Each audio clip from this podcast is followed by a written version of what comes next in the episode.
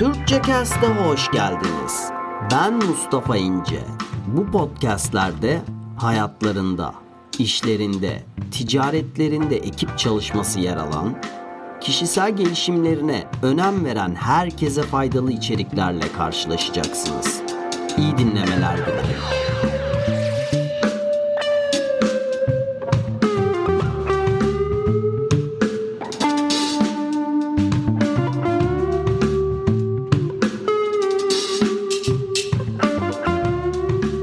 Podcastimizde flow hakkında konuşacağız arkadaşlar. Ee, Türkçesi akış oluyor ve birçoğumuz bunu anda kalmak, anı yaşamak olarak biliyoruz. Bunun ne olduğunu sizlerle, bilimsel olarak ne olduğunu paylaşmaya çalışacağım. Umarım buradan güzel bilgiler e, yine edinecek ve hayatlarınıza bunu enjekte edeceksiniz diye düşünüyorum. Şimdi bu durum nasıl başlıyor? Bilim insanları ve ilgili alan uzmanları imkansız diye bazı limitler, çıtalar koyuyorlar kendilerince insanoğlu kapasitesi için. Ve bakıyorlar ki insanoğlu bir bir bu rekorları, bu çıtaları kırıyor ve egale ediyor. Mesela surf alanında e, surf yapılması imkansız denilen yükseklikteki dalgalarda surf yapmaya başlıyorlar. Ya da Roger Bannister'ın işte 1 mil koşusunu 4 dakikanın altında koşması gibi. O zamana kadar diyorlardı ki bilim insanları insan vücudu, yapısı, ciğerleri, kasları bunu 4 dakikanın altında koşabilecek bir seviyede değil diyorlardı. Ama Roger Bannister bunu egale ediyor ve ardından aynı sene içerisinde birçok insan bu rekoru egale etmeye başlıyor. Sonra bunlar düşünüyor acaba ne oluyor? Bunu sorgulamaya başlıyorlar ve sorgu sorguyu getiriyor derken bu flow'un ne olduğu apaçık ortaya çıkmaya başlıyor günümüzde. Ticaret, teknoloji, sanat, spor, bilim, bunun gibi birçok alanlarda eminim herkes akış, flow, anda kalmak dediğimiz olayı tecrübe ettiler, ediyorlar. Buna işte the zone diyorlar. Buna işte komedyenler being in the box, kutuda olmak diyorlar. Basketbolcular mesela being unconscious diyorlar. İşte bilincin e, kaybolması gibi gibi her alanda farklı isimlerle bunu adlandırıyorlar. Flow state dediğimiz anda kalmak yani akış bilincin optimal düzeydeki durumu. Yani yapılan işe ve göreve o kadar yoğun bir odaklanma sağlanılıyor ki benlik duygusu e, kayboluyor. Zaman çok garip bir şekilde algılanılıyor. Alt üst oluyor zaman algısı. Çok hızlı bir şekilde akmaya ya da çok yavaş bir şekilde gerçekleşmeye, akmaya başlıyor. Performansta inanılmaz düzeyde artışlar görülüyor.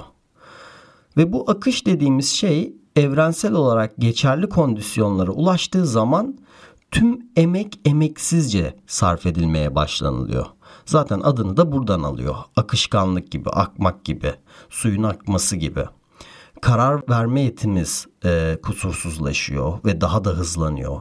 Hislerimiz etkileniyor. Çok daha üretken oluyoruz bu anda. Nasıl oluşuyor peki bu flow dediğimiz durum? Geçmişte biliyoruz ki e, insan beyni %10'unu kullanıyoruz insan beyninin diye biliyoruz. Ama bunu %100 kullanmalıyız gibi bir mit vardı. Eminim sizler de bunu yaşamışsınızdır. İşte ben çocukluğumda bunu söylerdim. Acaba Einstein yüzde kaçını kullanıyor ki beyninin ben yüzde onunu kullanıyorsam falan diye sorguladığım dönemler olmuştu. Flow'da buluyorlar ki aslında beynin yüzde yüzünü kullanmak değil mesele. Beynin fazlasını değil akış zamanında beynin daha azını kullanıyoruz. Bunu buluyor bilim adamları. Ya bu da işte az çoktura bir örnektir. Minimalizm konusundaki podcast'imde bu konuya değiniyordum zaten. Ee, burada da aslında bu buna verilebilecek az çoktura verilebilecek çok güzel bir örnektir bu. Aslında olan ne? Beyin dikkat gerektirmeyen, kritik olmayan alanlara harcadığı enerjiyi yönlendiriyor. Farklı alanlara yönlendiriyor bazı bölümleri kapatılmış gibi oluyor. Yani enerjinin harcanmaması sağlanıyor bu kritik olmayan alanlarda. İşte bu az çoktura bir örnek. Olan şey ne? Prefrontal korteks diye bir bölüm var beynin ön kısmında. Ve bu bölümün görevleri var. İşte ileri vadeli plan yapma, karar verme, eylemlerin sonuçlarını düşünmek gibi birçok görevi var. Bu bölümün kapanması aslında kapanması değil de burada olan enerjinin değiş tokuşu, başka yere bu enerjinin daha kritik alanlara aktarılması geçmiş ve gelecek bazlı düşüncelerin kaybolmasına, planların yokluğuna yani deep now dediğimiz derin şimdiyi yaşamaya e, sebep oluyor. Ve bu da gerçek mutluluk dediğimiz şey aslında. E, korku ve stres dediğimiz şey e, genellikle şu anda yaşanmayan bir şey. Genellikle ne oluyor? Geçmişte yaşadığımız kötü bir anının gelecekte tekrar etmesinden korku duyuyoruz. Ya da stres ileriye dönük gerçekleşiyor değil mi? Şimdi prefrontal korteksin devreden çıkması ya da işte enerjinin her neyse değiştirilmesi, oraya harcanmaması korku ve stresi vücuttan atıyor. Çünkü geçmiş ve gelecek arasındaki fark ayırt edilemez hale geliyor. Zaman algımız da işte flow'da değişiyor ya hani çok hızlı gibi geliyor ya bazı işler. Ne bileyim bir kitap okuyorsun 15 dakika o kitabı okuduğunu zannediyorsun bir bakıyorsun 2 saat geçmiş.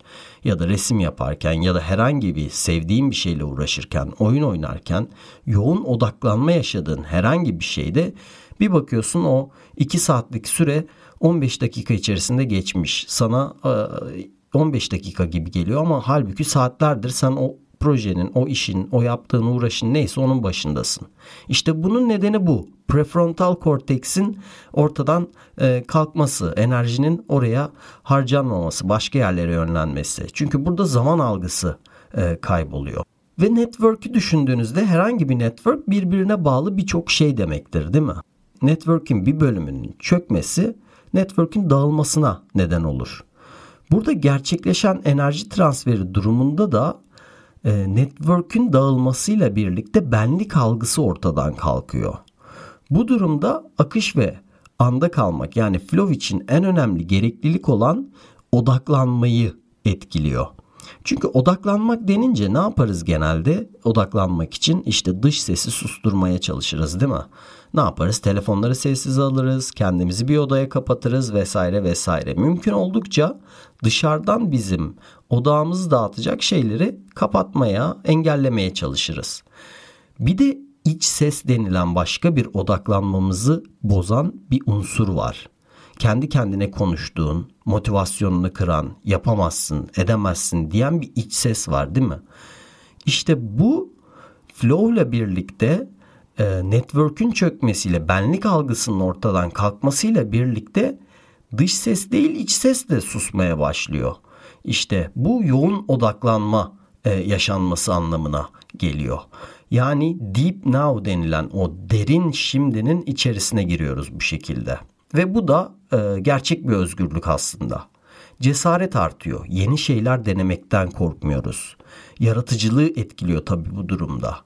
Yani cesaret niye artıyor? Çünkü korkmuyorsun. Yani geçmişle gelecekle alakalı demiştik ya e, genellikle korku. Geçmişte yaşanan bir şeyin gelecekte zuhur etmesi, tekrar etmesinden korkuyoruz demiştik ya. Zaman algısının ortadan kalkması işte geçmişle geleceğin ayrımının yapılamaması korkuyu vücuttan atıyor. Dolayısıyla cesaret geliyor. Yaratıcılık artıyor. Çünkü cesaretle atıldığın bir projeyi e, geliştirebiliyorsun. Daha yaratıcı olabiliyorsun. Peki neden anda kalmayı seviyoruz? Akış anı bağımlılık yapıyor. Bağımlılık aslında bilimde birazcık negatif bir kelime. E, pozitif bağımlılık diyelim biz buna. Çünkü akış anı 5 nörokimyasalın aynı anda salgılandığı bir an, tek salgılandığı bir an olduğunu söylüyorlar. Bu 5 nörokimyasal da işte serotonin, dopamin, endorfin gibi haz ve mutluluk veren hormonlar var ya işte bunların salgılandığı tek an olduğu söyleniliyor. Ne oluyor? İmkansızı işte imkanlı hale getiren şey de bu. Fiziksel güç artıyor, acı azalıyor, acı yok şampiyona dönüşüyorsun. Kas tepkime süresi azalıyor. İşte ekstrem sporlar bu yüzden bağımlılık derecesinde seviliyor. Çünkü anda kalmanın en yoğun yaşandığı anlar bunlar. Bunun için formül var. Yani anda kalmak için bir formül e, yaratılıyor. Bunu buluyorlar. E, Chicago Üniversitesi'nden yanılmıyorsam bir profesör, psikoloji profesörü 40 yıldır bu konuda araştırmalar yapıyor. Umarım adını doğru telaffuz ederim. Mihail Csikszentmihalyi diye bir adam. 40 e, yılını buna ayırmış ve bunu formülize etmiş. Gerekli kondisyonlar e, sağlanıldığı zaman flow'a geçilebiliyor. E, flow hacklenebiliyor diyor. Ve bunlardan birisi de instant feedback. İşte anlık geri dönüşümler. Mesela futbolda pas atıp pas beklemek. Anlık bir geri dönüşüm var orada. Ya da bir kaya tırmanışçısı için doğru kayayı bulmak. Hani bir kayaya tutunuyor, hareket etmiyor. Diğer kaya anlık olarak feedback alıyor. O kaya hareket ediyor mesela. Onu tutmaması lazım gibi gibi. Bütün ekstrem sporlarda bu anlık feedbackler var. Bu da işte insanların flow'a girmesi için bir hack, bir kural olarak kullanılabiliyor. Şimdi akış için e, ilk ve en önemli kural yoğun odaklanılma. Bunu eminim hepiniz kitap okurken, sevdiğiniz bir müzik aletiyle uğraşırken, resim yaparken ya da çalışırken zamanın çok hızlı geçmiş olduğunu defalarca kez yaşamış ve şaşırmışsınızdır. 2 saatlik bir çalışma size e, bir bakıyorsunuz 5 dakikaymış gibi geliyor. Peki flow'un getirileri ne?